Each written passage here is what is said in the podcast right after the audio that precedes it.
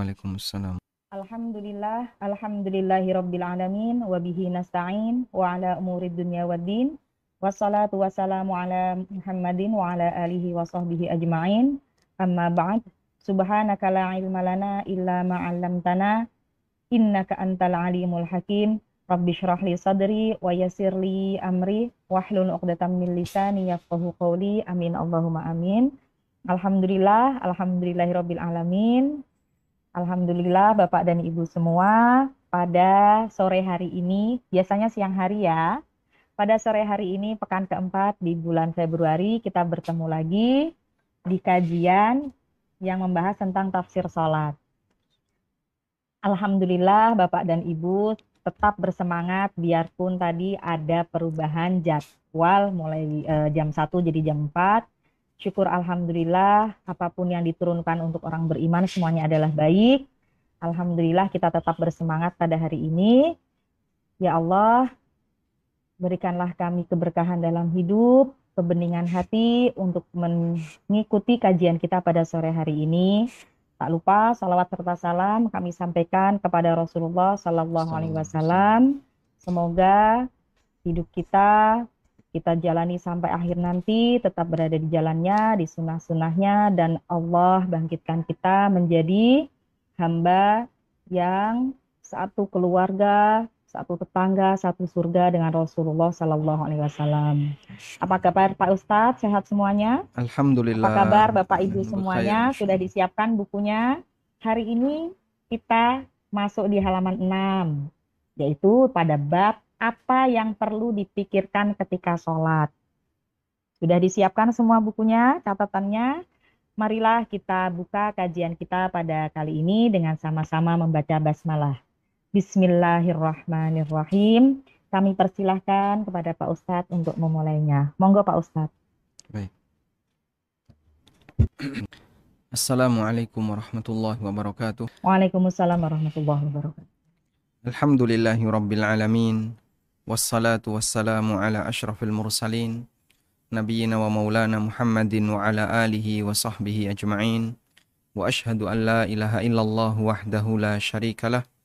وأشهد أن محمدا عبده ورسوله صلى الله عليه وعلى آله وصحبه وسلم تسليما كثيرا. ثم أما بعد Alhamdulillah kita bersyukur kepada Allah Subhanahu wa taala. Di kesempatan sore hari ini untuk waktu Yogyakarta Bogor dan sekitarnya. Kita bisa belajar bersama. Semoga Allah jadikan forum kita adalah forum yang diberkahi oleh Allah, yang berisi kebaikan dan penuh dengan limpahan hidayah. Insya Allah yang akan kita pelajari adalah lanjutan dari kajian kita sebelumnya tentang tafsir salat. Kajian ini diselenggarakan oleh Majelis Taklim Kolbun Salim dan bekerja sama dengan ANB Channel. Yang akan kita bahas di kesempatan kali ini sebagaimana disebutkan dalam pengumuman adalah mengatur pikiran dalam sholat.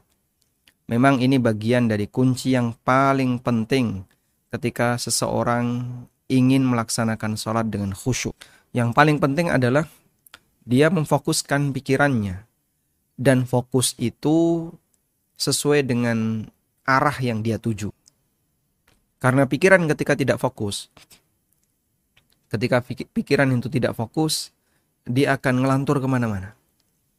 Akan ada banyak ingatan-ingatan yang masuk ke dalam pikirannya sebab tidak fokus. Dan dengan fokus inilah kita bisa memegang kunci sholat, yaitu memikirkan apa yang perlu untuk kita renungkan dalam sholat. Baik, saya akan share konten sebagaimana biasanya, sehingga para jamaah bisa melihat dari isi yang ada dalam kitab tafsir salat. Apa yang perlu kita pikirkan ketika kita salat? Karena pembicaraan kita adalah pada waktu kita ya khusyuk dalam salat, tentu pikiran itu tidak kosong. Karena definisi khusyuk itu bukan membuat pikiran jadi kosong, nggak mikir apa pun. Nggak mungkin itu. Pasti yang namanya manusia, batin itu akan terisi dengan sesuatu. Kalau tidak terisi dengan sesuatu yang positif, terisi dengan sesuatu yang murni sifatnya mubah. Pilihan yang ketiga adalah terisi dengan sesuatu yang negatif. Dan dalam sholat, batin itu harus terisi dengan sesuatu yang membuat sholat kita lebih bernilai. Sebagaimana yang disebutkan dalam hadis yang beberapa kali kita singgung, di mana Nabi SAW pernah menyebutkan, Wa innal abda la min salatihi.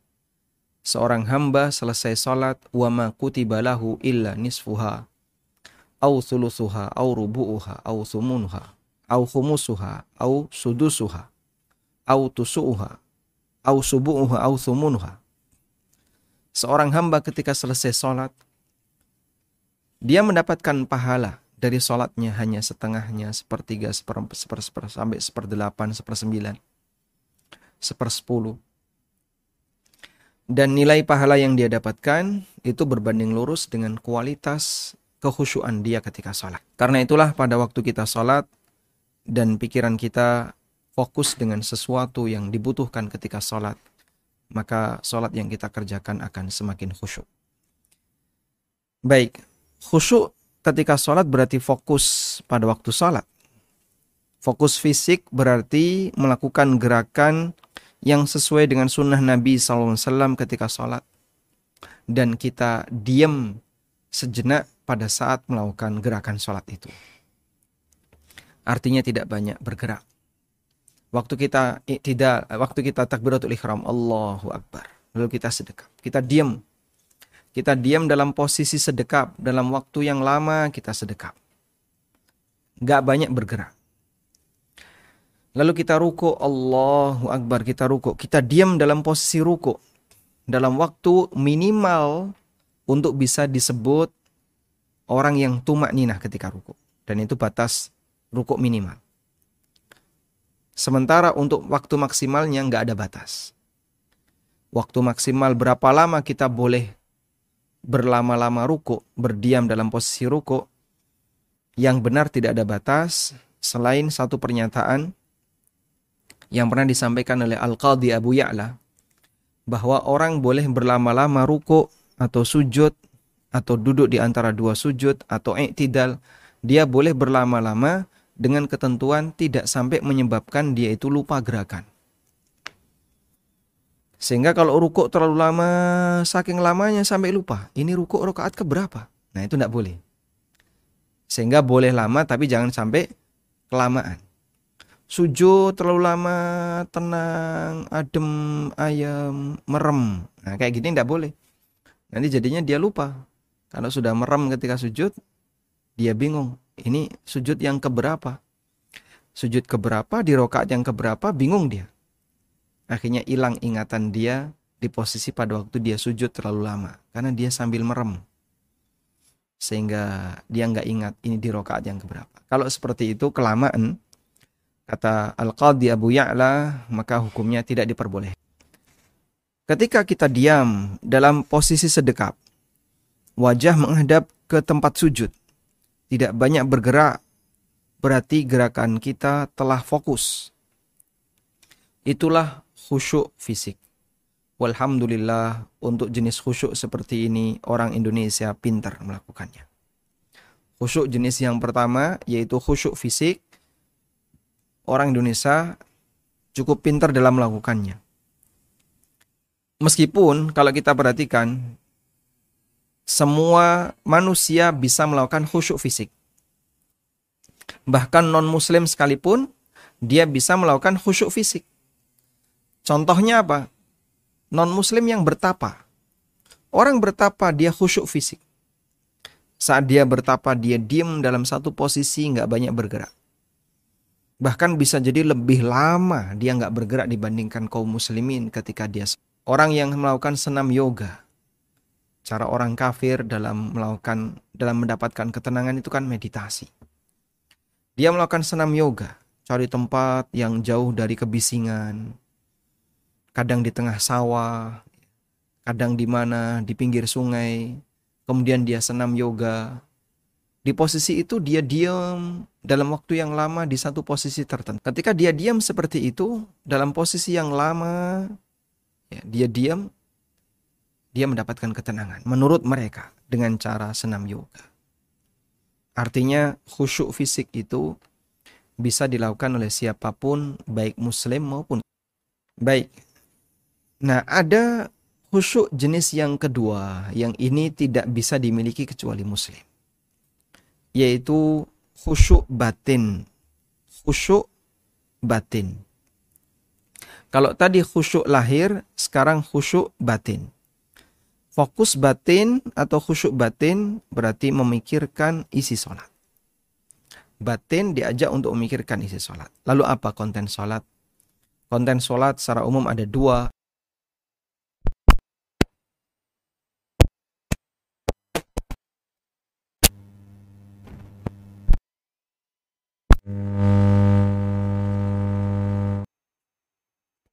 cek cek cek cek cek cek Bismillah cek cek aman cek Bismillah cek. Ini kelap kelip ya? Merah? Kelap kelip ini. Hah? Cek. Bismillah ada masuk ya? Masuk. Yang dari sana belum terdengar ya? Suara suara terdengar? Oh terdengar. Tapi yang dari sana belum. Baik, silahkan di. Alhamdulillah. Bismillah. Jelas ya? Ini, ini di yang ini yang ini mikrofon alhamdulillah masya allah Alhamdulillahirrabbilalamin.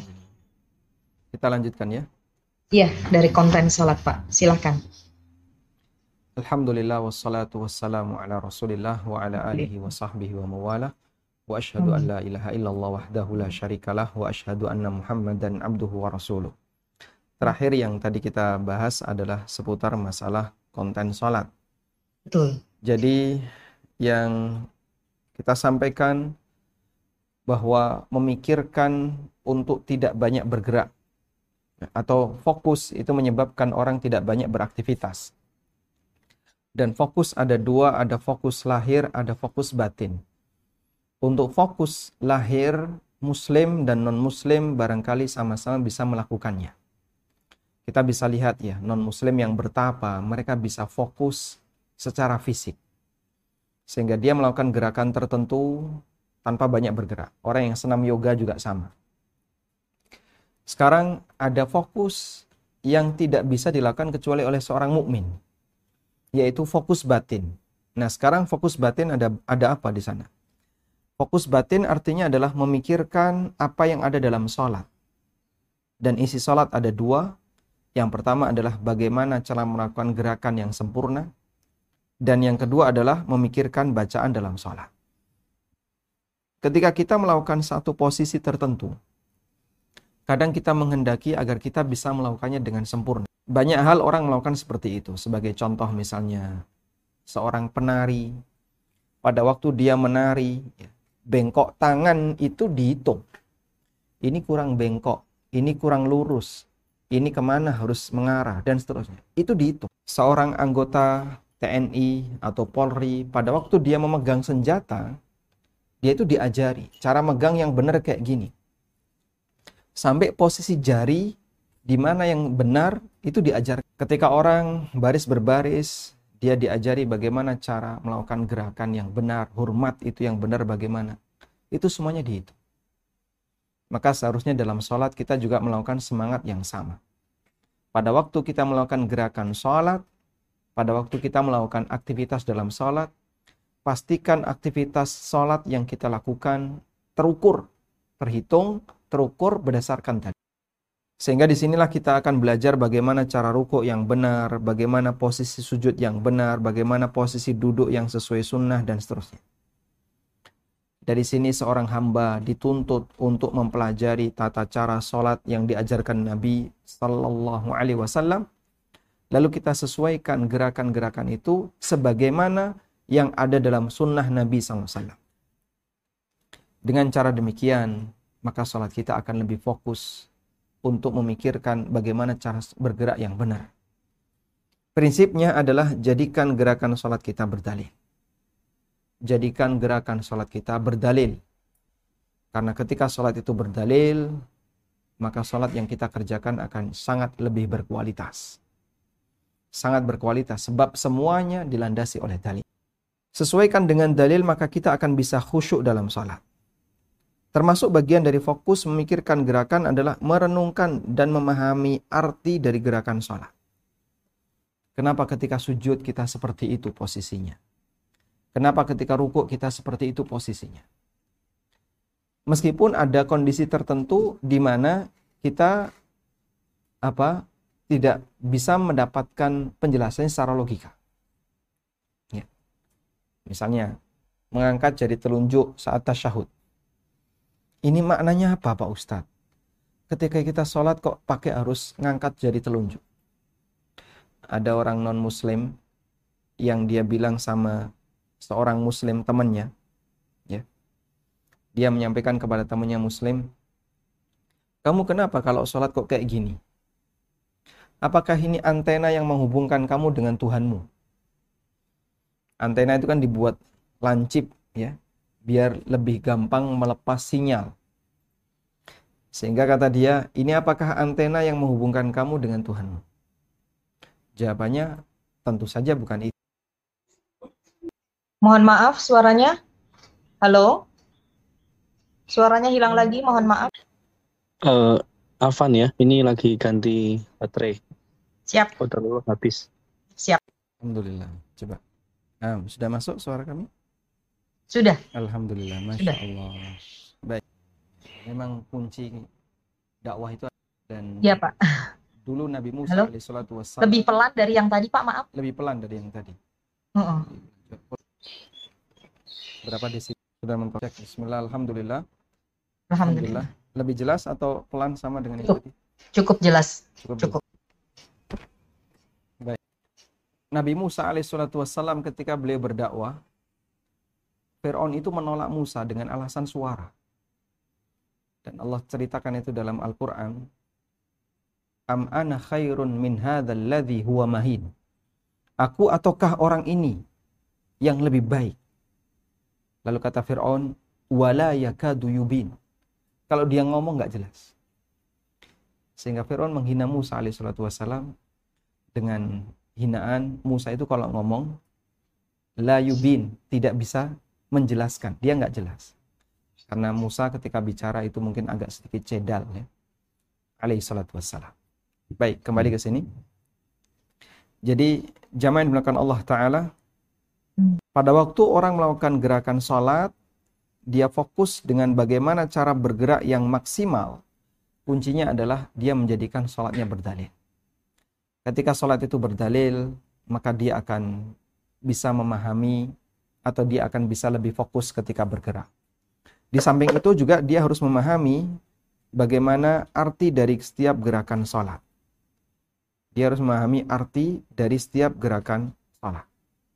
Seperti merenungkan kenapa harus berdiri, kenapa harus sedekap, dan seterusnya. Meskipun tidak semuanya bisa dilogika. Meskipun tidak semuanya bisa dilogika. Dan dalam praktek orang kafir sekalipun, mereka juga tidak semuanya bisa melogika gerakannya. Coba tanya ke orang-orang yang dia bertapa.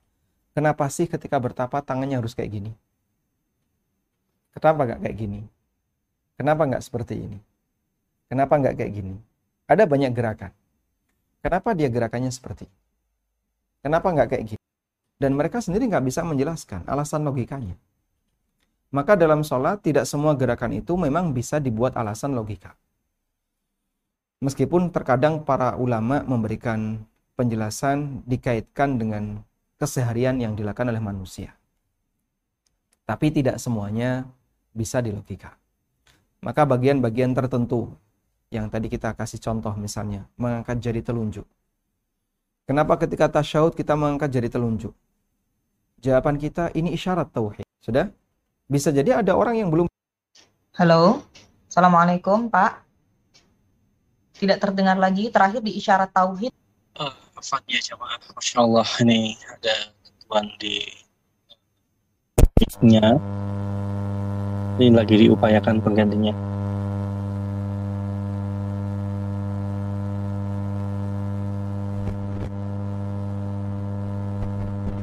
Tidak ada, tidak apa-apa, Pak. Malah kami gunakan untuk berdoa. Doa dalam kajian kan lagi banyak malaikat, Pak. Dan malaikat nggak ada yang online, Pak. Nggak apa Masya Allah. Jazakumullah khairan semua jamaah. Ayo Bu, baca doa yang diinginkan masing-masing. Tapi kalau Bapak Ustaz terdengar suara lagi, doanya berhenti dulu. Bismillah. Subhanallah. Subhanallah. Bismillah. Oh, udah, udah masuk ya. Salam. Alhamdulillah. Ya. Baik. Hmm. Tayyib. Kita lanjutkan. Siap. Nah, jadi ketika kita berisyarat seperti ini, ulama memberikan penjelasan. Ini adalah isyarat tauhid, meskipun tidak semua orang bisa menerima. Ada yang masih ngeyel, kok aneh kayak gitu. Apakah ini seperti antena yang menghubungkan antara kamu dengan Tuhan kamu? Tapi biarlah, tidak semua gerakan dalam sholat memang bisa dilogika. Non-muslim saja ketika melakukan gerakan tertentu, mereka juga nggak bisa menjelaskan secara logika. Sebab yang berhubungan dengan masalah keyakinan tidak semuanya harus bisa diselesaikan dengan logika. Selanjutnya, bagian kedua yang perlu kita renungkan adalah memikirkan bacaan dalam sholat. Bentuknya adalah merenungkan makna setiap bacaan yang dilantunkan dalam sholat. Seperti memahami makna takbiratul ikhram, memahami makna doa iftitah, merenungkan bacaan Al-Fatihah, dan seterusnya. Termasuk di antaranya adalah merenungkan bagaimana bacaan yang sesuai sunnah. Menghafal itu kan beban bagi pikiran ya. Menghafal itu beban bagi pikiran. Makanya nggak semua orang mau untuk menghafal. Mungkin sebagian dari jamaah yang ikut Odoj atau ikut Awatch ya. One day one juice atau one week one juice. Mereka hanya membaca. Disuruh menghafal mungkin keberatan. Karena menghafal itu bagian dari beban pikiran bagi sebagian orang yang tidak suka menghafal. Ketika kita menghafal dalam doa-doa dalam sholat, kita punya sesuatu yang harus kita jaga. Dan cara menjaganya adalah dengan diamalkan dalam keseharian kita, dalam sholat-sholat kita. Ada doa yang panjang, ada ada doa yang pendek. Bagi sebagian orang yang dia nggak suka menghafal, biasanya dalam masing-masing gerakan hanya punya satu jenis doa. Iftitah dari kecil sampai gede yang dihafal cuman Allahu Akbar kabira walhamdulillahi katsira. Dia nggak pernah ngapalin yang lain.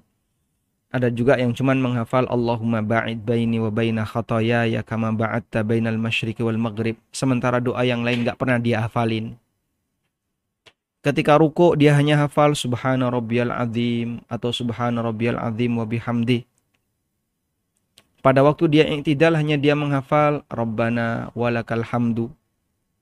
Dia nggak hafal untuk doa-doa yang lain. Karena orang seperti ini dia bukan termasuk tipe orang yang senang dengan tantangan. Senang dengan eh, apa? Senang dengan menghafalkan sesuatu yang baru. Maka coba bagi jamaah sekalian kita latih pikiran kita dengan cara menghafal sesuatu yang penting untuk dihafal.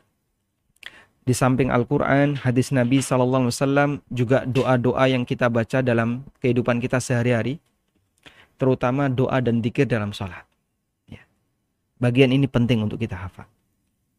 Karena kalau tidak kita hafal, akan banyak sekali doa yang diajarkan Nabi SAW dalam sholat yang tidak pernah kita amalkan, yang sama sekali tidak pernah kita kerjakan itu artinya ada banyak sunnah yang yang mungkin kita terlantarkan sebab kita tidak menghafalkannya. Maka tolong sempatkan waktu untuk menghafal doa-doa yang kita baca dalam sholat. Tambahkan jumlah redaksi hafalan kita.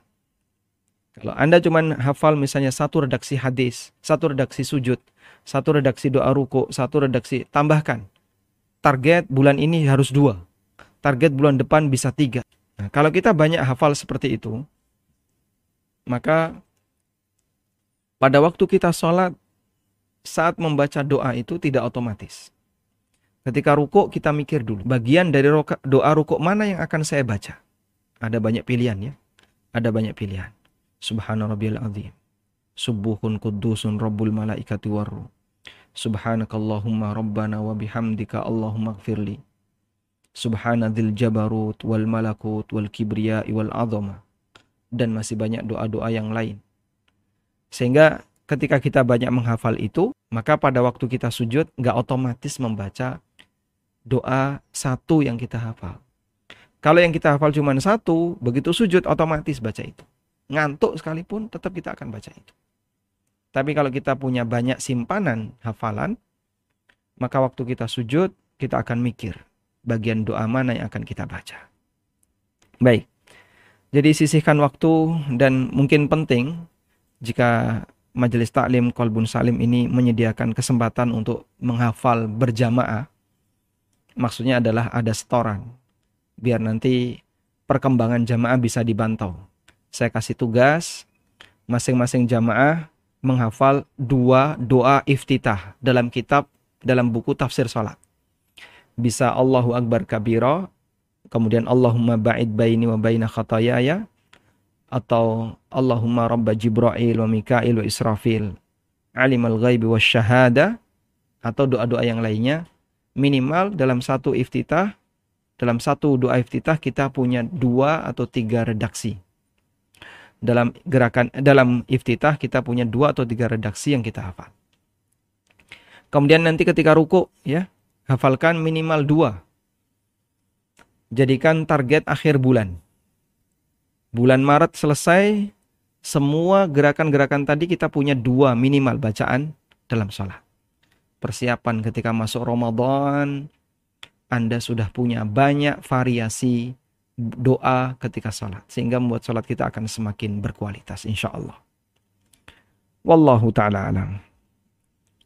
Baik, selanjutnya kita akan membaca tentang lima catatan tentang khusyuk dalam sholat. Catatan yang pertama mengenai hukum khusyuk. Dalam Al-Quran Allah banyak memuji orang yang khusyuk ketika sholat. Di antaranya surat Al-Mu'minun. Qad aflahal mu'minun alladhina hum fi salatihim khashi'un juga pujian yang diberikan oleh Allah kepada para nabi di antaranya Zakaria alaihi salatu wassalam fastajabna lahu wa wahabna lahu Yahya wa aslahna lahu zauja kami memperkenankan doanya Zakaria. Dan kami anugerahkan kepadanya seorang anak bernama Yahya. Dan kami perbaiki istrinya. Diperbaiki istrinya Zakaria. Itu bisa maknanya diperbaiki fisik.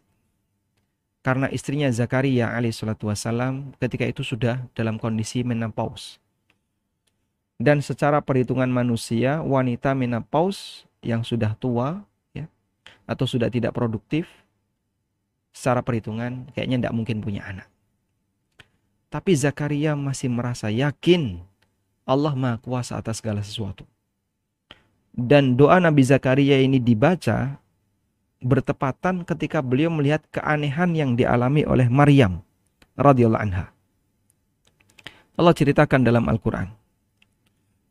Pada waktu Nabi Zakaria alaihissalatu wassalam, beliau mengunjungi Maryam. Pada waktu Nabi Zakaria mengunjungi Maryam, beliau melihat Maryam itu di dekat tempat Maryam ada makanan yang bukan musimnya. Ada buah-buahan yang bukan musimnya. Kullama dakhala 'alaiha Zakaria al-mihraba wajada 'indaha rizqa. Qala ya Maryamu anna laki hadha. Ketika Nabi Zakaria menemui Maryam di mihrab, beliau jumpai ada makanan yang aneh di dekat Maryam. Ini kan bukan bukan musimnya. Dan orang masa silam kan tidak ada kulkas. Kalau sekarang buah itu musim nggak musim ada terus. Tidak waktunya musim mangga, tapi orang bisa menyimpan mangga dengan teknologi yang mereka miliki. Dulu orang makan buah itu musiman. Hanya bisa dimakan saat musimnya saja. Karena tidak bisa diawetkan dalam waktu yang lama kecuali sudah berubah menjadi makanan yang lain. Nabi Zakaria melihat di dekat Maryam ada buah-buahan yang bukan musimnya sehingga tidak ada di tempat itu, tidak ada di daerah itu. Maka Zakaria bertanya, "Qala ya Maryamu anna laki hada?" Wahai Maryam, kamu dapat dari mana ini? Qalat huwa min indillah. Maryam mengatakan, ini datang dari Allah. Sehingga keberadaan buah itu termasuk karomahnya Maryam. Beliau dikasih buah dari Allah Subhanahu wa taala dan apa? Itu datang wallahu alam seperti apa datangnya, yang jelas itu ada tanpa apa eh, padahal waktu itu tidak tidak ada di daerahnya Maryam. Di lingkungan itu tidak sedang menghasilkan buah ini. Inna Allah yarzuqu may yasha bighairi hisab. Allah memberikan rizki kepada siapa saja yang dia kehendaki tanpa hitungan. Lalu kata Allah, Hunalika da'a Zakaria Rabba. Di saat itulah Nabi Zakaria langsung berdoa kepada Rabbnya. Jika Allah mampu memberikan buah-buahan kepada Maryam, yang buah itu tidak ada di tempatnya dan bukan musimnya. Allah juga mampu untuk menganugerahkan seorang anak bagiku, meskipun istriku sudah mandul. Qala rabbi habli min ladunka dzurriyyatan thayyibah. Maka beliau langsung berdoa ketika melihat kejadian yang ajaib ini, kejadian yang aneh ini dan mengucapkan rabbi habli min ladunka dzurriyyatan thayyibah. Ya Allah anugerahkanlah kepadaku keturunan yang baik. Innaka sami'ud du'a Sesungguhnya engkau zat yang maha mendengarkan doa. Fanadathul malaikah kemudian doanya dikabulkan oleh Allah Subhanahu wa taala di mana Allah mengirim malaikat untuk memberikan kabar gembira dengan kehadiran Yahya annallaha yubashshiruka bi Yahya musaddiqan bi kalimati minallahi wa sayyida wa hasura wa nabiyya minas salihin. Baik. Nah, Nabi Zakaria alaihissalatu wassalam diceritakan oleh Allah di surat Al-Anbiya. Kemudian setelah itu Allah katakan, Innahum kanu yusari'una fil khairat. Sesungguhnya para nabi itu adalah orang-orang yang bersegera dalam kebaikan. Wa yad'unana raghaban. Dan mereka berdoa kepada kami, memohon kepada kami diiringi dengan perasaan raghaban wa rahaba. Harap-harap cemas. Wa kanu dan mereka adalah orang-orang yang khusyuk di hadapan kami. Sehingga sifat Nabi yang diceritakan oleh Allah di surat Al-Anbiya ayat 90 adalah mereka adalah orang-orang yang khusyuk ketika melakukan ibadah kepada Allah. Dan masih banyak sekali ya dalil dalam Al-Quran yang menunjukkan pujian Allah kepada orang yang khusyuk. Selanjutnya kita akan melihat hukum khusyuk. Ulama berbeda pendapat mengenai hukum khusyuk dalam sholat. Jumhur ulama berpendapat bahwa khusyuk hukumnya anjuran dan tidak wajib. Status khusyuk dalam sholat adalah penyempurna sholat. Mereka beralasan, orang yang sholat sambil memikirkan dunia, status sholatnya sah selama dia masih sadar terhadap sholatnya. Sadar dalam sholat artinya dia tahu urutan gerakan-gerakan yang dibaca di masing-masing gerakan. Meskipun pikiran sedang melayang ke mana-mana. Sehingga dia sadar kalau dia itu sedang sholat. Diajak bicara dia nggak nggak respon. Ngasih ada orang ngasih salam dia nggak respon. Cuman mungkin dia batin. Ini yang ngasih salam apa nggak tahu ya kalau gue lagi sholat. Batinnya melayang ke mana-mana. Tapi dia sadar kalau dia sedang atau ketika ada orang yang sholat tiba-tiba ada orang ada orang yang gedor pintu. Dok dok dok dok. Kemudian dia nggak bisa merespon. Yang di luar nyampain salam, assalamualaikum teriak. Dia diam saja. Tapi dia batin. Ini orang nggak sopan banget sih. Ada orang sholat kok masak gedor pintu. Yang gedor pintu juga nggak ngerti kalau di dalam ada orang yang sholat. Akhirnya yang sholat agak pede, dia keraskan bacaannya. Allahu Akbar. Dengan maksud biar yang di luar terdengar kalau yang di dalam lagi sholat. Kayak gitu masih gedor pintu. Allahu Akbar. Kemudian dia nggak sabar. Gue lagi sholat, diam lo. Ah, batal sholatnya ya. Dalam ensiklopedia fikih dinyatakan, ikhtalafal fuqaha'u fi hukmil khusyuk fi salat. Ulama berbeda pendapat mengenai hukum khusyuk dalam sholat. Jumhur ulama mengatakan ini salah satu di antara sunnah dalam sholat. Dengan dalil sahnya sholat orang yang memikirkan perkara dunia. Id lam yakulu bibutlaniha idza kana dhabitan af'alaha. Karena mereka tidak menganggap batal sholat seseorang selama dia masih sadar dengan gerakannya. Sehingga dia tahu setelah ruku itu iktidal, setelah iktidal dia sujud. Selama masih punya kesadaran terhadap itu, maka sholatnya sah. Kemudian lanjutan keterangan, wa dhahaba ba'du fuqaha kullin minal Hanafiyah wal Malikiyah wal Syafi'iyah wal Hambali. Dan sebagian ulama dari empat madhab berpendapat bahwasanya khusyuk itu termasuk kewajiban sholat. Hanya saja mereka berbeda pendapat. Ya. Ada yang mengatakan bahwasanya khusyuk adalah kewajiban dalam sholat. Namun sholat tidak batal jika tidak khusyuk. Karena dimaafkan.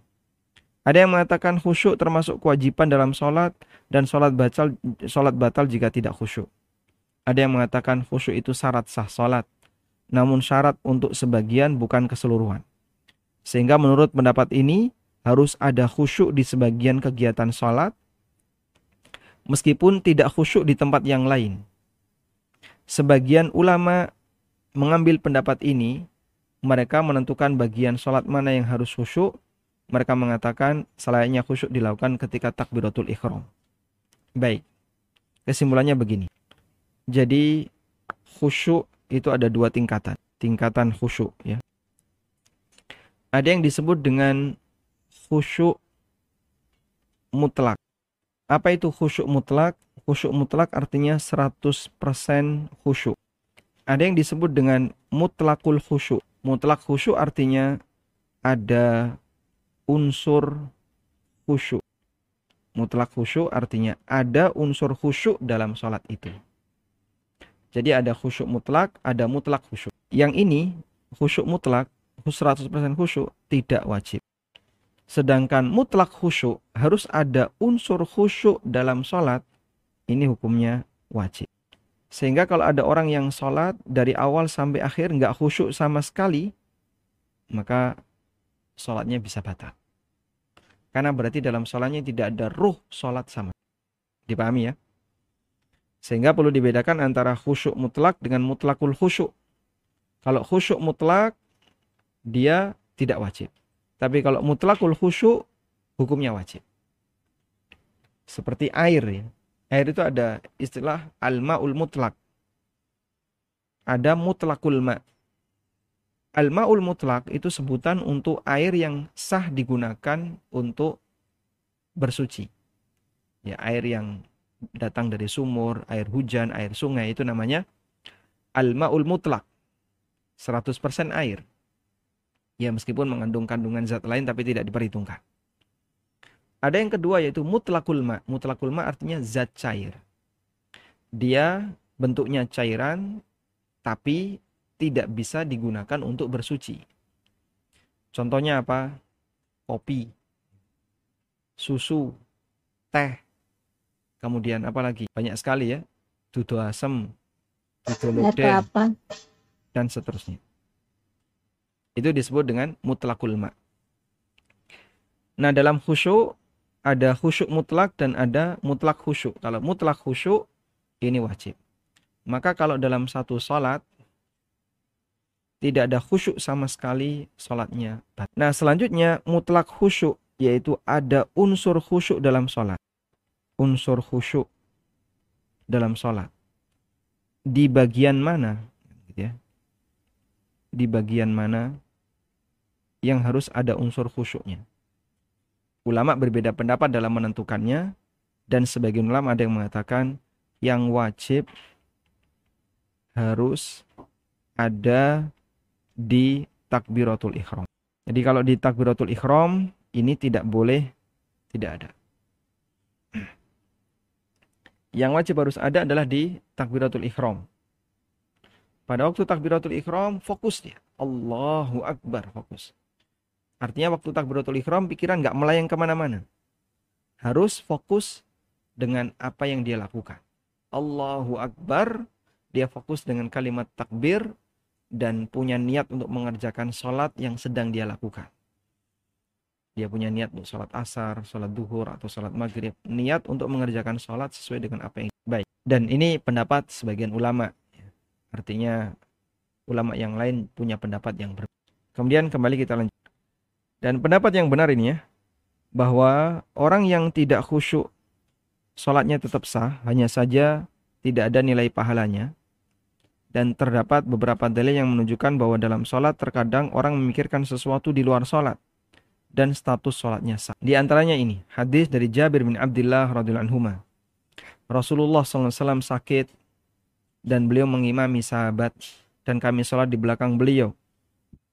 Beliau sholat dengan posisi duduk sementara Abu Bakar mengeraskan takbir mengeraskan takbir beliau agar didengar semua jamaah. Tiba-tiba beliau menoleh ke arah kami dan beliau melihat kami sholat dengan berdiri. Lalu beliau memberi isyarat kepada kami untuk duduk. Dan kami pun duduk, akhirnya kami menjadi makmum beliau sambil duduk. Dalam posisi seperti itu Rasulullah SAW memikirkan kondisi sahabatnya. Kok mereka pada berdiri, beliau berisyarat. Ani jelisu, duduk. Fa'asyara ilaina faqa'adna. Beliau berisyarat kepada kami lalu kami pun duduk. Fasallaina bi salatihi qu'udan. Maka kami salat dengan mengikuti Nabi SAW dalam posisi duduk. Baik. Kemudian juga dalam hadis yang lain dari Sahal bin Hamdalah radhiyallahu anhu, beliau bercerita ketika peristiwa sebelum perang Hunain. Nabi SAW mengutus seseorang untuk berjaga malam di sebuah lembah memperhatikan keadaan sasaran. Menjelang subuh, Nabi SAW bertanya, adakah perkembangan informasi dari penjaga malam? Sampai akhirnya dikumandangkan ikomah sholat subuh. Jadi Rasulullah SAW punya kebiasaan, beliau akan melakukan penyerangan pasca subuh. Pasca sholat subuh diserang. Nah, sebelum subuh beliau mengirim orang untuk melihat perkembangan kondisi Hunain. Dan kiriman itu, orang utusan itu diminta untuk berjaga di balik di balik lembah. Jadi ini ada dua bukit gitu. Ya. Di lembah ini di baliknya itu akan kelihatan suku suku di daerah Hunain. Setelah berangkat berjaga di sana dalam waktu semalaman, Nabi SAW selalu menunggu ada berita apa dari penjaga malam itu. Sampai subuh nggak datang-datang. Dan posisi lembah itu agak serong dari arah kiblat. Sehingga misalnya kiblat ini lurus sini ya. Penjaga itu mungkin serong kanan atau agak serong kiri. Lalu ketika beliau sholat subuh, kata Sahal bin Hamdalah, Faja'ala Rasulullah sallallahu alaihi wasallam yusalli wa huwa yaltafitu ila syi' hatta idza qada salatahu wa sallama. Lalu Rasulullah SAW salat jadi imam sementara beliau pandangannya selalu menoleh ke arah lembah itu. Jadi bersedekap sambil menghadap ke arah kiblat tapi pandangannya menoleh ke arah lembah. Menunggu kehadiran orang yang diperintahkan oleh Nabi SAW untuk menjadi mata-mata. Sampai selesai sholat. Sehingga ini dalil bahwasanya bisa jadi beliau sambil memikirkan kehadiran mata-mata yang ditunjuk oleh Nabi SAW. Kemudian hadis dari Uqbah bin Amir, beliau pernah sholat di belakang Nabi SAW. Tiba-tiba seusai salam Rasulullah SAW langsung bergegas pulang sampai melangkai pundak-pundak para makmum. Setelah itu beliau balik ke masjid dan mengatakan, Zakartu syai'an min tibrin indana Aku teringat ada seonggok emas di rumah. Fakarih tu ayah bisa nih. Maka saya tidak ingin emas itu jadi pikiranku. Fa'amar tu bikismatihi. Maka aku perintahkan agar dibagi. Masya Allah. Nabi SAW itu nggak nyimpen harta. Ada harta di rumah, belum terbagikan, kepikiran beli itu. Mungkin mirip dengan kita kalau kepikiran utang. Ya kita ingin segera melunasi, duit itu sudah siap, tinggal diserahkan, tapi belum sempat transfer. Waktu sholat mungkin kepikiran. Akhirnya rencana itu muncul dalam sholat kita. Setelah ini langsung saya akan transfer. Atau misalnya Anda sudah masukkan ke keranjang di marketplace, klik-klik check out. Ya, sudah, lalu dikasih uh, notifikasi untuk transfer. Dan Anda belum transfer, kemudian Anda sholat. Di tengah sholat kepikiran, oh iya tadi yang di sini belum transfer. Akhirnya punya rencana, begitu selesai sholat nanti akan segera transfer. Dan itu pernah terjadi pada diri Rasulullah SAW. Sehingga Nabi SAW beliau ketika sholat terkadang beliau memikirkan sesuatu. Dalil yang lain, Nabi SAW pernah sholat dan beliau berniat untuk memanjangkannya. Namun beliau mendengar ada bayi yang menangis. Kemudian beliau mempercepat sholatnya. Dan seusai sholat beliau mengatakan, saya tidak ingin untuk memberatkan ibunya. Karena ketika bayi itu nangis kan yang kepikiran adalah ibunya. Demikian pula beliau pernah sholat di rumah, kemudian Aisyah datang, lalu beliau bukakan pintunya. Termasuk beliau sholat sambil menggendong cucunya Umamah bintu Abil As bin Robi. Yang ini merupakan suaminya Zainab bintu Muhammad sallallahu alaihi wasallam, putri pertama Nabi sallallahu alaihi wasallam. Abul As bin Rabi dan melahirkan anak Umamah. Tayyib. Hanya saja unsur khusyuk harus ada dalam sholat yang dikerjakan. Sehingga jika ada orang yang sholat tapi tidak, tidak khusyuk sama sekali, maka sholatnya batal. Dalam hadis Aisyah radhiyallahu anha Nabi sallallahu alaihi wasallam pernah bersabda, la yusalla bihadrati ta'am wala huwa yudafi'uhul akhbathan. Tidak ada salat ketika makanan sudah dihidangkan dan tidak ada salat ketika orang dalam kondisi menahan ingin buang air. Menahan hadas adalah menahan hadas yang keluar dari jalur depan dan belakang dalam kondisi sangat lapar, ingin makan dan sudah disajikan, kondisi kebelat, ingin buang air, itu semuanya akan membuat orang jadi buyar khusyuknya sehingga dia sama sekali nggak fokus. Jika tetap dipaksa sholat, maka dia tidak akan khusyuk. Ini yang membuat sholatnya dikerjakan tanpa ada unsur khusyuk dan itu menjadi batal. Sehingga kembali kepada kesimpulan yang tadi kita sampaikan. Kalau khusyuk mutlak ini tidak wajib. Tapi kalau mutlak khusyuk ini hukumnya wajib. Wallahu alam. Baik, mungkin demikian yang bisa kita sampaikan. Semoga menjadi kajian yang bermanfaat. Dan insya Allah besok kita akan membahas tentang perbandingan antara khusyuk mukmin dengan khusyuk munafik. Wassalamualaikum Muhammadin wa ala alihi wa sahbihi wasallam. Alhamdulillahirrahmanirrahim. Kami persilahkan kepada Bapak Ibu oh, Ukti Tar Tara. Kami persilahkan Ibu. Ya, nam. Uh, Assalamualaikum warahmatullahi wabarakatuh, Ustaz. Waalaikumsalam. Sebelumnya saya ingin mengucapkan jazakumullah khairan kepada Majelis Taklim Kolbun Salim dan tim ANB Channel dan terkhususnya jazakallah khair kepada Ustadz Tami atas pemberian buku tafsir sholat ini yang saya dapatkan sewaktu mengikuti kajian yang sama dengan tema khusyuk dalam sholat sebelumnya. Barakallahu Ustadz atas segala ilmu yang diberikan juga melalui buku ini saat saya sedang mencari ilmu tentang sholat, kadarullah wa masya'afala diberikan jalan. Alhamdulillah telah selesai saya baca dan saat ini ibu saya sedang membaca. Semoga kita semua dipermudah oleh Allah Subhanahu wa taala dan istiqomah dalam mengamalkannya. Amin. Allahumma amin. Uh, Afwan izinkan saya bertanya. Yang pertama, untuk lafaz lafaz tabiratul ihram wajib dilafazkan. Bagaimana dengan niat sholat? Yang kedua, bagian memperlama iktidal sunnah yang hilang dituliskan di buku cara memperlama itidal dilakukan dengan mengulang-ulang bacaan itidal. Jika boleh berapa kali diulang. Dan yang terakhir, Afwan Ustadz jika keluar dari tema, bagaimana dalil membaca sodaqallahul azim setiap selesai membaca Al-Quran? Apakah ini termasuk bid'ah? Bagaimana jika dilakukan sejak kecil? Lalu bagaimana yang sesuai sunnah ketika selesai membaca Al-Quran? Jazakallah khair Ustaz. Baik. Langsung jawab Pak Ustaz. Terima kasih. Yang pertama, jika takbiratul ikhram wajib untuk dilafalkan. Betul, karena ini bagian dari rukun sholat. Dan semua bacaan dalam sholat itu tidak boleh dibatin.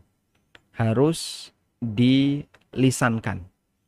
Sehingga tidak boleh takbiratul ikhram, mulut diem, lisan nggak bergerak, cuman bergerak. Ketika ditanya, dok, jenengan kok nggak baca? Anda nggak baca takbiratul ikhram? Saya baca, tapi dibatin. Nggak boleh seperti itu. Baca di batin kan seperti kita baca buku ya. Cuman screening. Ya. Orang baca Quran, tapi dia seperti baca buku, cuman di screening aja ya. Diliatin. Jadi matanya bergerak. Bergerak ke, kiri, ke kanan ke kiri, dia bergerak. turun bergerak. Tapi tidak ada lafal yang terucap tidak terhitung membaca Quran sehingga dia tidak mendapatkan pahala baca Quran. Demikian pula ketika orang sholat dia sama sekali tidak mengucapkan Allahu Akbar. Semuanya dibatin, maka tidak terhitung takbiratul ikhram. Sehingga batal sholatnya. Nggak baca fatihah cuman diam saja. Mingkem.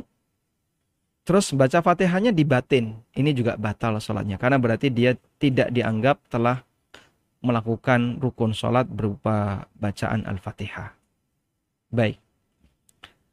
Lalu bagaimana dengan niat sholat? Niat sholat tidak perlu dilafalkan.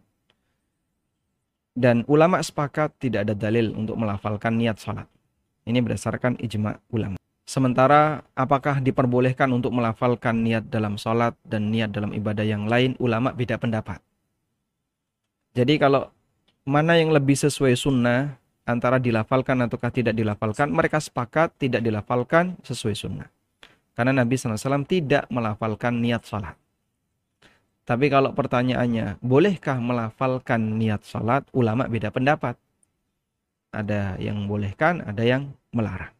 Dalam hal ini ada khilaf. Dan kami mengambil pendapat yang mengatakan tidak boleh. Karena Nabi SAW tidak pernah mencontohkannya. Dan orang tidak perlu, hukum asalnya tidak perlu untuk melafalkan niat. Secara fungsi itu tidak ada.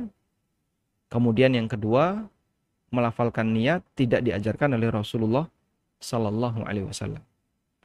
Sebab bedakan antara niat dengan melafalkan niat. Niat itu tempatnya di batin, bukan di lisan.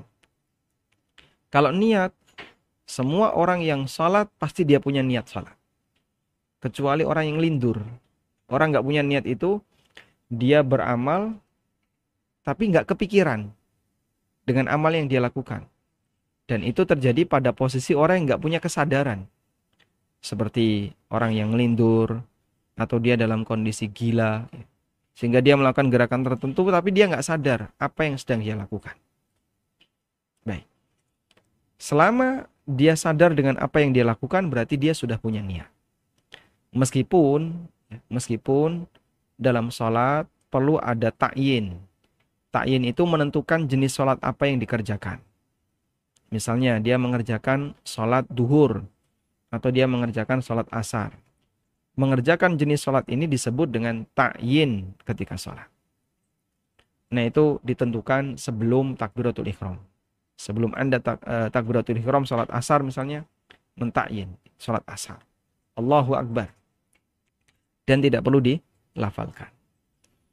Kemudian yang kedua terkait mengulang bacaan iktidal berapa kali jawabannya sesuai dengan lama Anda beriktidal. Anda mau beriktidal berapa lama? Setengah jam Pak Ustadz. Kalau sanggup silahkan. Tapi tadi ada batasannya ya. Jangan melakukan gerakan sholat yang kebablasan kelamaan sampai membuat kita itu lupa sampai membuat kita itu lupa gerakan sholat yang kita lakukan.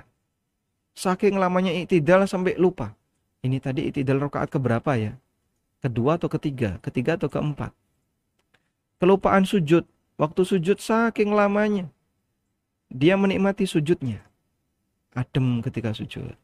Ayem terus merem. Akhirnya bablas tidur. Begitu bangun, bingung dia. Duh, tadi ini sujud yang keberapa? di rokaat keberapa bingung. Nah, di posisi itu Al-Qadhi Abu Ya'la melarang. Jangan lakukan seperti ini. Tapi kalau lama masih ideal, ya, misalnya uh, dua menit, dua menit itu sudah lama ya. Karena sholat dua rokaat dalam kondisi normal kurang lebih tiga menit. Anda iktidal selama dua menit kan lama banget tuh. Berapa banyak yang harus kita baca ya terserah selama Anda berposisi itu. Kemudian yang ketiga, yang ketiga tadi apa? Uh, yang ketiga apa tadi? Bacaan sodakallahul azim. Uh, bacaan sodakallahul azim. Apakah itu dianjurkan? Ada sebuah riwayat yang bisa kita jadikan sebagai acuan. Nabi SAW pernah menyuruh Ibnu Mas'ud radhiyallahu Wahai Ibnu Mas'ud, tolong bacakan Al-Quran kepadaku. Kemudian kata Ibnu Mas'ud, aqra'u alaika wa alaika unzil? Apakah aku akan membaca Al-Quran di hadapan Anda sementara Al-Quran itu diturunkan kepada Anda? Kemudian kata Nabi SAW, saya ingin mendengarkan, saya suka ini ahabu an asma min ghairi. Saya ingin mendengar dari yang lain. Akhirnya Ibnu Mas'ud radhiyallahu anhu membaca surat An-Nisa. Kemudian sampai pada firman Allah Subhanahu wa taala. Wajibna bika ala haula'i syahida dan akan kami datangkan dirimu wahai Muhammad untuk menjadi saksi bagi seluruh umat manusia. Nabi SAW langsung memerintahkan kepada Ibnu Mas'ud, hasbuk, hasbuk. Sudah cukup sampai di sini, cukup sampai. Kemudian Ibnu Mas'ud melihat ke arah Nabi SAW. Aku melihat Nabi SAW, fafadat ainahu, air matanya meleleh. Beliau nangis. Yang dibaca oleh Ibnu Mas'ud adalah kondisi di hari kiamat di mana setiap umat itu akan didatangkan saksi atas amal-amal yang mereka kerjakan. Sehingga umat Muhammad dijadikan oleh Allah Subhanahu wa taala sebagai, saksi untuk umat di masa silam. Dan Nabi Muhammad SAW dijadikan oleh Allah sebagai saksi untuk seluruh umat manusia. Coba kita baca. Ini ada di surat An-Nisa ayat 41. Fakaifa idza ji'na min kulli ummatin bisyahidin wajibna bika ala haula'ish. Maka bayangkan ketika kami datangkan setiap umat itu para saksi mereka. Dan aku akan mendatangkan kamu sebagai saksi untuk seluruh umat manusia. Nabi SAW menangis. Dan beliau minta kepada Ibnu Mas'ud, hasbuk, cukup. Dan Ibnu Mas'ud langsung diam. Tanpa mengucapkan sadaqallahul adzim. Artinya praktek yang dilakukan di masa itu pada waktu mereka membaca Al-Quran tidak ada akhiran bacaan apa pun. Sadaqallahul azim atau alhamdulillahi alamin atau bacaan-bacaan yang lainnya. Nabi SAW tidak mengajarkan bacaan apa pun. Sehingga begitu selesai ya sudah selesai. Nggak pakai bacaan apa pun. Karena itu bacaan sadaqallahul azim Apakah disunnahkan? Jawabannya kita tegaskan kami tidak menjumpai dalil dari sunnah tentang bacaan ini. Namun apakah diperbolehkan, nah ini pertimbangan yang lain, apakah diperbolehkan membaca sodaqalul adim jika itu dibaca sebagai pembuktian atas kebenaran apa yang dia baca, hukumnya boleh. Contohnya seperti ini ya. Ada orang misalnya melihat sebuah kejadian. Nah, kejadian itu ternyata persis sama sebagaimana yang ada dalam Al-Quran. Lalu ketika dia melihat kejadian itu langsung komentar. Maha benar Allah dengan apa yang dia firmankan. Sadaqallah. Sadaqallah. Apa yang Allah firmankan itu benar. Betul seperti apa yang Allah firmankan dalam Al-Quran. Nah itulah pengaruh bentuk sadaqallah yang sesuai sehingga kita membenarkan apa yang difirmankan oleh Allah pada saat kita melihat bukti di lapangan. Tapi kalau nggak ada sebab apa pun lalu kita mengucapkan sadaqallah, mungkin nuansa semangat dalam batin nggak begitu kelihatan. Sehingga sebabnya apa kau ucapkan ini? Kalau sebatas membenarkan Allah Ta'ala, ya sah-sah saja. Tapi kalau dijadikan sebagai rutinitas sehingga setiap selesai baca Quran selalu dibaca sodakallah, nanti jadinya seperti aturan tambahan dalam baca Quran. Nah kalau sudah jadi rutinitas sehingga seperti aturan tambahan, yang kayak gini diingatkan oleh para ulama, jangan dilakukan. Sebab apa? Kalau itu dilakukan, jadinya seperti kita nambah-nambahi aktivitas aturan membaca Al-Quran. Jadi kalau sesekali boleh dengan perenungan apa yang aku baca ini benar dan itu tentu saja bisa dilakukan setelah Anda paham maknanya. Tapi kalau rutin sehingga jadi aktivitas setiap selesai baca Quran selalu sodakallah. Nah ini perlu untuk dalil. Wallahu. Assalamualaikum Ustaz. Waalaikumsalam Semoga Allah menjaga antum dan jamaah juga dari, dan dijauhkan dari segala macam virus dan penyakit. Eh, Amin. Eh, sebentar. Allah, amin. Ini diizinkan dulu oleh moderator. Sudah Bapak, Oh, sudah tepat, kami izinkan silakan. untuk Oh ya, Bapak Rai. oh ya. Terima. Pertanyaan pertama saat kalau misalnya orang yang sering nggak khusyuk eh, ketika sholat, itu bisa diazab di kubur gak? Lah terus pertanyaan kedua saat kalau misalnya ada seorang muslim bekerja di lembaga keuangan konvensional atau memiliki perusahaan tersebut sampai meninggal saat nah padahal dia sudah tahu hukumnya tapi dia menganggap itu rezeki yang berkah dari Allah Subhanahu wa taala. Apakah hal itu salah? Dan apakah e, beliau ini bisa kekal di azab kuburnya dan azab neraka Ustaz? Barakallahu fiik. Ya, terima kasih. Silakan Pak Ustadz. Ketika ada orang yang sholat tapi nggak pernah khusyuk, apakah dia akan diadab dengan sholat yang dia lakukan? Saya bahas bagian ini di buku tafsir sholat di bab tentang lima tingkatan manusia ketika sholat. Kemudian saya sebutkan keterangan Ibnu Qayyim dalam kitabnya Al-Wabilus Sayyib. Beliau menyebutkan tentang lima tingkatan manusia dilihat dari kualitas sholatnya. Ada tingkatan yang pertama dan terendah. Kami mulai dari yang terendah dulu. Ya, yaitu orang yang tidak memperhatikan kesempurnaan lahiriah dalam sholat wudhunya nggak sempurna, gerakannya nggak sempurna, syaratnya masih banyak yang kurang, tidak tumak nina, terlalu cepat, dan seterusnya. Dan Ibnu Qayyim menyebut martabat ini, tingkatan ini dengan sebutan al-mufrid. Orang yang meremehkan sholat. Nggak serius ketika sholat. Yang kedua, mereka sholat sudah baik dari sisi lahiriahnya. Wudhu sempurna, gerakan sholat sempurna, pakaiannya sopan. Hanya saja pikirannya dibiarkan melayang ke mana-mana. Prosentase khusyuknya sangat minim. Dia lebih banyak teralih dengan urusan dunia.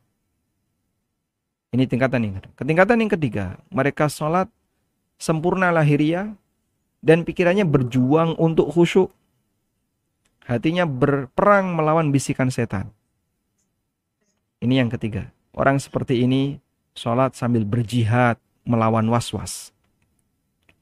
Yang keempat, mereka khusyuk lahiriah, batinnya khusyuk, hati dan pikirannya menyelami setiap gerakan sholat, mulai dari takbiratul ikhram sampai salam, sehingga tidak ada bagian sholatnya yang lalai karena memikirkan perkara yang lain. Tapi ini belum di puncaknya, puncaknya yang kelima. Level tertinggi.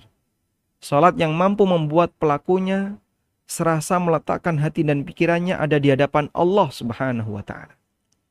Sehingga dalam bayangan dia Allah berada di hadapan saya.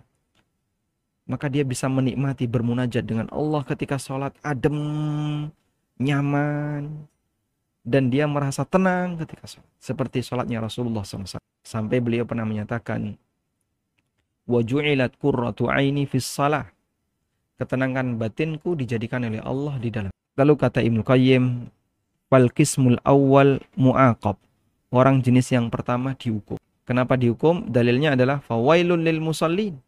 Celakalah orang-orang salat alladzina hum an salatihim sahun, yaitu orang yang melalaikan salatnya. Dia sholat terlalu cepat, tidak tumak ninah, kadang pakaiannya seadanya, bau badannya nggak dibersihkan dan aneka kekurangan yang terjadi pada fisik sholatnya. Fisiknya saja sudah kurang, terlalu cepat bergerak dan seterusnya. Ini akan dihukum.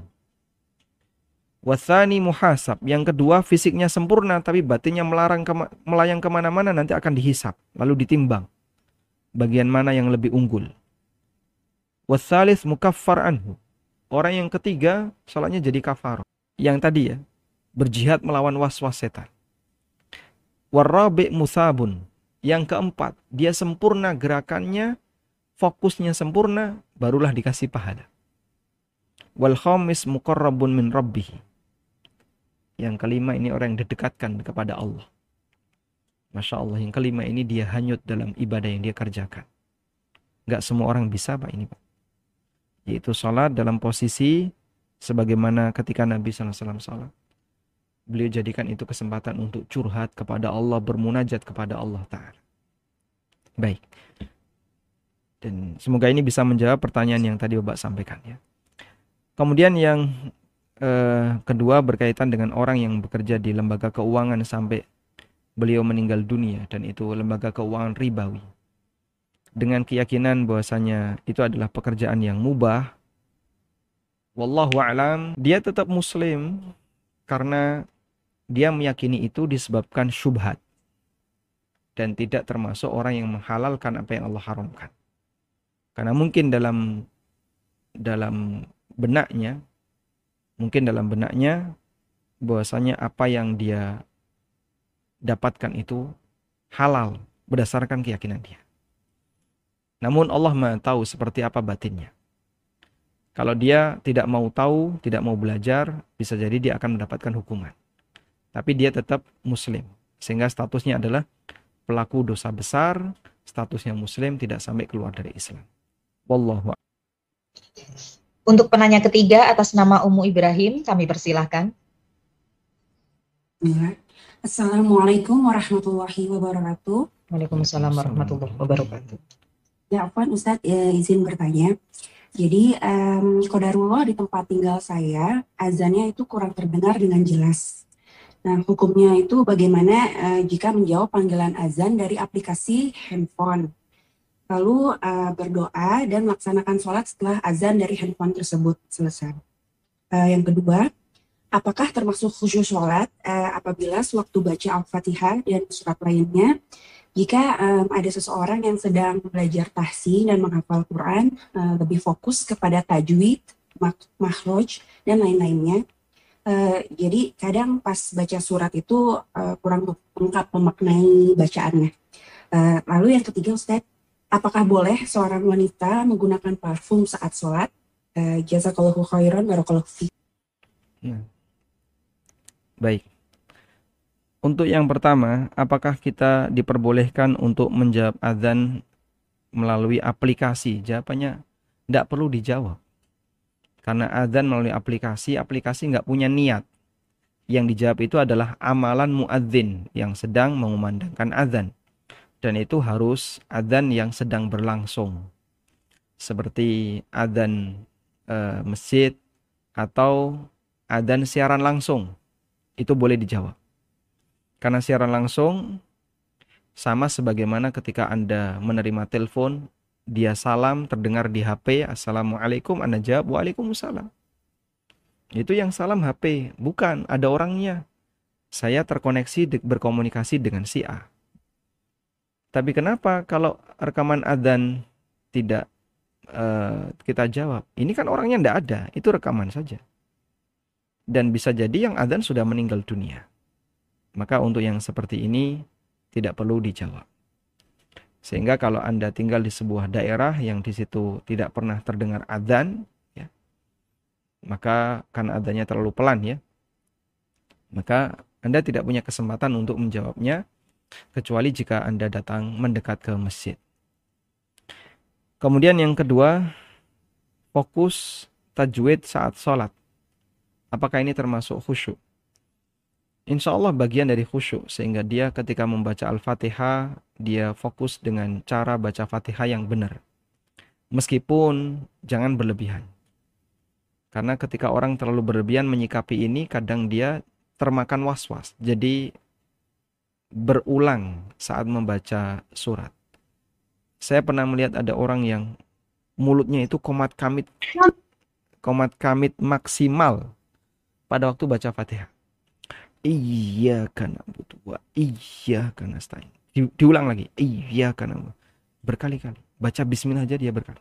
Bis bis bis baru bismillah itu mungkin ada tiga empat kali. Merasa gagal merasa gagal.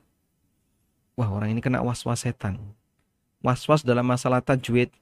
Karena khawatir nanti kalau kurang pas fatihahnya menurut keyakinan dia batal. Kalau batal soalnya batal. Menurut keyakinan dia Padahal sebenarnya dia sudah, udah benar di awal. Bismillah yang pertama saya dengar, udah Pak, udah cukup. Udah cukup dengan kelafat itu menunjukkan kalimat bismillah yang benar. Tapi dia merasa kurang puas diulang. Bis, bis baca bismillah aja kok. Berkali-kali. Alhamdulillah. Alhamdulillah. Alhamdulillah itu bisa sampai tiga kali. Dan mulutnya itu sampai komat kamit begitu. Kasihan banget orang ini. Jadi kalau fokus tajwid, insya Allah tetap masuk khusyuk. Tapi tolong jangan sampai berlebihan. Kemudian yang ketiga, eh, terkait menggunakan parfum. Pada waktu sholat, bagi wanita, Coba saya carikan barangkali ada. Ada fatwa yang di apa di share di islamqa.info. Apakah diperbolehkan bagi wanita untuk menggunakan perhiasan dan memakai wangian pada waktu dia sholat di rumah? Jawabannya, hukumnya boleh bagi wanita. Saya share konten. Hukumnya boleh bagi wanita ketika sholat di rumah untuk memakai hulliyiha, memakai perhiasan. Di gelangnya nggak dilepas, cincin, kalung mungkin nggak dilepas. Wahia muta'attirah dan dia dalam posisi memakai minyak wangi. Walaysa fi fi'liha syai'an min dzalika ibtalun li salatiha dan perbuatan yang dia lakukan tidak membatalkan salatnya. Wal manhiyu anhu sementara yang dilarang adalah dia memakai minyak wangi hala khurujiha ilal masjid lis salah kalau dia sholat ke masjid. Dalam hadis riwayat Muslim dari Zainab istri dari Abdullah bin Mas'ud. Imra'atu Abdullah maksudnya adalah Abdullah bin Mas'ud. Qalat beliau mengatakan, Qala lana Rasulullah SAW. Rasulullah SAW pernah berpesan kepada kami. Idza syahidat ihda kunnal masjida fala tamassa tiban.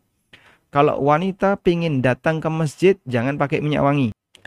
Qala Ibnu Hajar, wa yulhaqu bitib dan termasuk minyak wangi adalah ma fi maknahu, apa pun yang semakna dengan itu. Karena sebab mereka dilarang untuk menggunakan minyak wangi min tahrikin da'iyati syahwah. Ini bisa ngefek ke syahwat lawan jenis. Sehingga lelaki jadi terganggu sholatnya pada saat dia sholat di belakangnya ada ibu-ibu pakai parfum terus disedot. Pada waktu dia sholat. Syahwatnya muncul di tengah dia sholat. Pikirannya nggak karuan jadinya. Penyebabnya apa? Ini ibu-ibu datang ke masjid pakai parfum. Nggak boleh yang kayak gini. Tapi kalau sholat di rumah silahkan.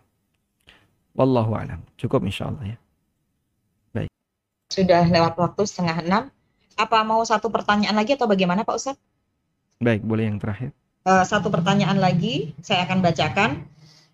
Ustadz izin bertanya satu terkait kekhusyuan dalam sholat, apakah pikiran itu sama dengan hati Pak Ustadz? Atau beda? Kemudian jika dalam sholat pikiran atau hati kita tersibukkan oleh terjemahan akan dikir dan doa yang dibaca, mulut kita eh, tersibukkan nih oleh dikir dan doa yang dibaca mulut kita, itu termasuk khusyuk atau tidak?